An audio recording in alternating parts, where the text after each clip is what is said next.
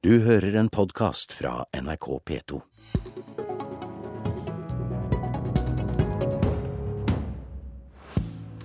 Nok et stikk til svenskene. Ikke om OL-medaljer denne gangen. Reinfeldt vil tape valget. Statsministeren fra Høyres søsterparti lover ikke lenger store skattekutt, og min første gjest hevder at det må høyrepartier gjøre for å vinne valg. Men han har kjeftet på Høyre for puslete skatteløfter før, og de vant av valget. Velkommen til Politisk kvarter. Vi har representanter for både valgets vinner og taper i studio. Men først Jan Arild Snoen, skribent i Minerva. Forklar hvorfor Reinfeldt vil tape valget i Sverige.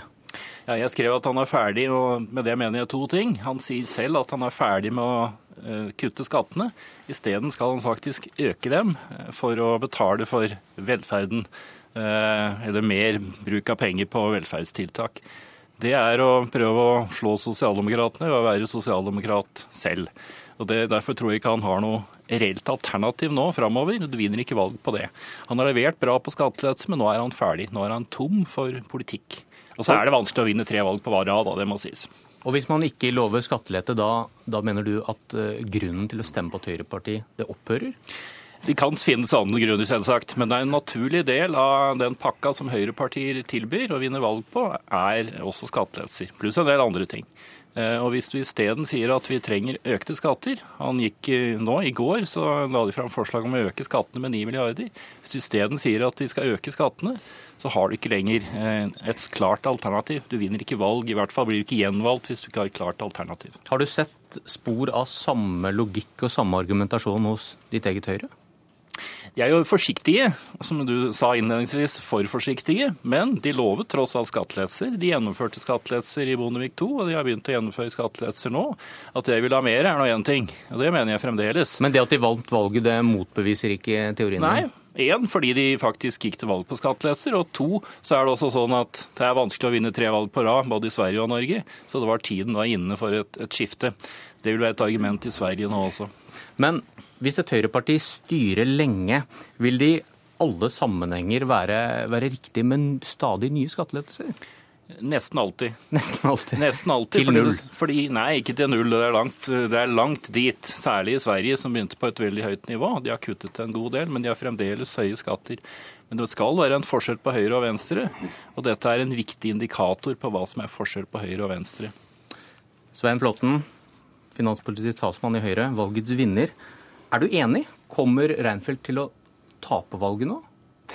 Nei, Jeg vil ikke spå noe om de svenske valgene. Jeg syns han har gjort en god jobb med den svenske økonomien. og Av den grunn så tror jeg han blir eh, gjenvalgt. Men jeg kan eh, for Norges vedkommende love Snoen at eh, vi kommer til å ha skattelettelser i vårt program og gå til valg på også neste gang. Jeg syns vi har startet friskt ut med 8 milliarder i skattelettelser og skattereduksjoner, faktisk i den første tilleggsproposisjonen, utarbeidet i løpet av noen få uker. Så det må noen være fornøyd med. Hvis det går som dere ønsker og dere får styre lenge, vil du utelukke at dere kan komme til å måtte øke skattene, som Reinfeldt går for i Sverige nå? Ja, nå er det diskusjon om Reinfeldt vil øke det. Han sier vel egentlig at de vil eh, la de være på samme nivå. Det er det samme som den rød-grønne regjeringen sa i Norge, rent bortsett fra at den rød-grønne regjeringen da vred skattene sånn at det var i disfavør av næringslivet. Men da opphører grunnen til å stemme på et høyreparti, hvis ikke man går for skattekutt? Ja, men eh, grunnen til å stemme på Høyre kommer aldri til å opphøre, for vi er tross alt atskillig mer enn et skattelettelsesparti. Og vi bruker jo skattereduksjonene til noen ting, nemlig til å stimulere næringslivet til å få fram økonomisk økonomisk vekst og sikre arbeidsplassene. Det er jo hensikten med skattereduksjonene. Og jeg tror aldri du vil se et Høyre i Norge som går til valg på å øke skattene, for det vil jo være tvert imot. Uansett? Ja, det tror jeg du kan si. For det å øke skattene, det er eh, ikke noe stimulans til næringslivet. Det er de det går utover. Enten de som jobber, eller de som eier. Marianne Martinsen fra Arbeiderpartiet, valgets taper. Du sitter også i finanskomiteen. Det er en enfoldig høyreside Snoen beskriver, mener du? Mm, ja, jeg mener det. Eh, det han beskriver, er jo en høyreside som sitter igjen uten et politisk prosjekt, hvis man ikke lenger kan love velgerne skattekutt. Og jeg er uenig i hans analyse av at det er mangelen på flere skattekutt som gjør at svenske velgere nå snur ryggen til, til Moderaterne. Jeg tror uh, svenske velgere er i ferd med å se hva det er disse skattekuttene som har blitt gjennomført gjennom de siste åra, faktisk uh, fører til. Sverige har jo de raskest voksende forskjellene i hele Europa. Det er en ganske dramatisk utvikling. Eh, budsjettoverskudd har blitt snudd til budsjettunderskudd. Man begynner å se merkbare velferdskutt. Man har f.eks. kjørt et privatiseringsløp i svensk skole som har blitt fulgt av fall i resultater på internasjonale undersøkelser. Så at svenske velgere nå snur ryggen til Moderaterna, det er eh, egentlig ganske, ganske, forutsigbart og et resultat av den politikken som har vært ført gjennom flere år. En enfoldig analyse, Sno? Ja, Det får nå være Martinsens ord, men det er viktig å huske at skattekuttene i Sverige først og fremst har kommet vanlige folk til del. Altså, en vanlig svensk arbeider har fått mer enn 2000 kroner i måneden i skattekutt i løpet av disse årene. Det er ikke sånn at det er skatt, skattekuttene som har ført til økt forskjell i Sverige. Det er en tendens vi ser i hele eh, Europa. Ikke i Norge. Eh, så men det er altså ikke det der. Og til at, Hovedgrunnen til at eh, Moderaterna kommer til å tape valget, etter min mening, eller det jeg tror, er at det er veldig vanskelig å vinne tre valg på rad. Men det er også, som Martinsen er inne på, at eh, de mangler nå et tydelig prosjekt. Eh, og det blir ikke tydeligere prosjekt ved å legge seg nærmere sosialdemokratene i skattepolitikken. Det er noe som ofte skjer når noen sitter lenge, at de går tom for ideer, og det er i ferd med å skje i Sverige nå. Flåtten, sitter man fast i hver sin ideologiske grøft her? At uansett situasjon så må høyresiden argumentere for skattelette. Aldri riktig med økning, og motsatt at kutt i skatt det er kutt i velferd. Og så da holder man seg til skattenivået fra 2004. Nei, For vår del så sitter ikke vi fast i noe ideologisk grøft. Altså For oss så er eh, skattelettelser det er et virkemiddel til å få opp veksten, til å få samfunnet til å fungere. Og siden vi snakker om Sverige, de har jo brukt det til å få opp veksten, til å skape arbeidsplasser. Og mange har jo forundret seg over at Sverige uten oljefond, uten særlig god økonomi, kunne komme seg så raskt etter finanskrisen. Det, en av grunnene tror jeg var at de satte inn skattelettelser på et tidlig tidspunkt, også før finanskrisen, under finanskrisen. Og Derfor så har de skapt nye arbeidsplasser, og så kan de gå over i andre faser. Men for vår del så mener vi at dette er et virkemiddel til å sørge for at vi har en trygg, god vekst, for at vi får etablert arbeidsplasser, for at folk vil være i jobb. Derfor er og kommer til å bli skattelettelser et veldig viktig virkemiddel, blant flere. Altså, det er en fascinerende beskrivelse av, av historiens gang i Sverige som, som, presenteres fra Flåtten her nå. For det Sverige har demonstrert, er jo hvor uegna skattekutt er som krisemedisin. I Norge så valgte man jo en annen variant, hvor man eh, stimulerte direkte over budsjettene og holdt folk i arbeid på den måten. Eh, og Hvis man ser på de skattekuttene som svenskene gjennomførte, som skulle eh, stimulere til sysselsetting gjennom krisa, f.eks. det å halvere krogskatten for å få opp restaurantbesøk, det å redusere arbeidsgiveravgiften for ungdom, så har jo evalueringa i etterkant vist at det ikke har fungert. Sånn at Fasiten i Sverige etter, etter, disse rundene er jo 100 milliarder i skattekutt, men dobbelt så høy arbeidsledighet som det Norge har. Altså En av de største eksportartiklene Sverige har for tiden, er jo arbeidsledig svensk ungdom som kommer til Norge for å jobbe. Flåtten. Nei, det er forunderlig at Martinsen kan sitte i program etter program og snakke om svensk økonomi og sammenligne uten å snakke om at Norge har en helt annen forutsetning. Vi er på et helt annet nivå.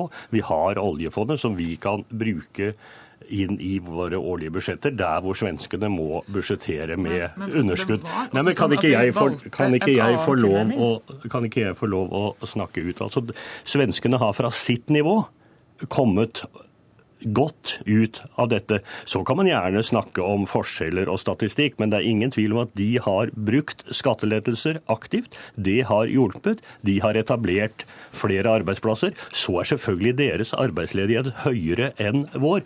Men vi lever på en honningkrukke, men den skal også disponeres. og Nettopp derfor er det viktig, ikke som Martinsen sier, at vi bare skal bevilge over de offentlige budsjetter for å skape arbeidsplasser, som f.eks. i finanskrisen. Vi må stimulere eiere, enkeltmennesker, til å gå inn i norsk næringsliv, og dermed skape arbeidsplassene. Martinsen. Altså det jeg er enig i, det er at innretninga på skattesystemet er viktig for hvordan den langsiktige vekstevnen i en økonomi er. Eh, og Vi har stått fast på skattenivået fra 2004 gjennom vår regjeringsperiode og gikk på valg eh, på det skattenivået også i 2013. Og da lurer jeg på, Skal Men, dere gå til valg på det samme skattenivået i 2017? Det begynner å bli en stund siden 2004, eh, og er det alltid det riktige nivået? 2017 er 2017, så den avklaringen får du, får du når det nærmer seg. Ja, men Skal dere f.eks. Er... reversere de grepene regjeringen har gjort når det gjelder arveavgift, formuesskatt, personskatt? Det er for tidlig å si. Det hadde Altså, vel kledd retorikken deres, hadde det ikke det da? For dere argumenterer for at det er kutt i velferd? Det er for tidlig å si. Det vi har sagt, er at vi skal holde skattenivået fra 2004. Fordi at vi mener at det gir en god balanse i utviklinga mellom privatforbruk og offentlig forbruk. Eh, Og så betyr ikke det at man ikke skal gjøre grep i skattesystemet. Det har vi jo gjort gjennom hele regjeringsperioden også. Man hadde en skattereform i 2006 som betydde mye for fordeling. Man har økt skattene på, eh, på næringseiendom, på sekundærbolig, fordi at man mener at det er bra, både fordi at det blir riktigere investeringer av det, fordi at man forhindrer kapitalflukt ved det, og fordi at det er bra for fordeling. Så det å holde et skattenivå betyr ikke at man ikke har en offensiv tilnærming til hvordan skattesystemet skal fungere best mulig, både for å fordele og skape vekst i For deres vedkommende betyr det at dere vred skattene over i næringsfiendtlig sammenheng. Kort til Altså- slutt, eh, Jan Arild Snoen. eh, Vi vet vel såpass om velgerne at de er ikke like opptatt av skatt som deg? Nei, det er de ikke. Men de er opptatt av skatt. Det er ikke av de helt uviktige tingene. Men jeg tror også at velgerne kanskje ikke sier helt, det er ikke helt ærlige når de snakker om dette, for å være opptatt av skatt er litt egoistisk og sånn. Men det får vi nå se. Eh, Vi får se hvordan det går i Sverige nå, om det faktisk er mulig for et høyreparti å vinne et valg på å øke skattene. Det Tror tror, jeg ikke. tror du resultatet der kommer til å påvirke din sidemann? Hvis Moderaterna skulle vinne på dette, noe jeg ikke tror, så vil det jo være ganske ille for meg. For, da vil kanskje Høyre også bli fristet til å gå i den retningen. Så vi får krysse fingrene for at Moderaterna taper. Nei, Det Da- kommer ikke til å bli foreløpig. Da sier vi at vi inviterer dere tilbake etter det svenske valget, så ser vi. Eh, takk for at dere kom. Politisk kommentator i NRK, Lars Nehru Sand, du har sittet og hørt på. Hvilke utfordringer har det borgerlige flertallet med skattelette? Her i Norge så er det først og fremst å levere. De har spent forventningsbuen både i en valgkamp og, som Flåtten er inne på, allerede begynt å levere med, med sine åtte milliarder i, eh, i eh, tilleggsproposisjonen. Eh, Men vi må huske at i den budsjettkampen som begynner om tre uker, eh, så vil det komme tydelig frem at Høyre og Fremskrittspartiet er to forskjellige partier med ulik skattekuttbehov. Eh, Flåtten snakker her veldig mye om å stimulere næringslivet.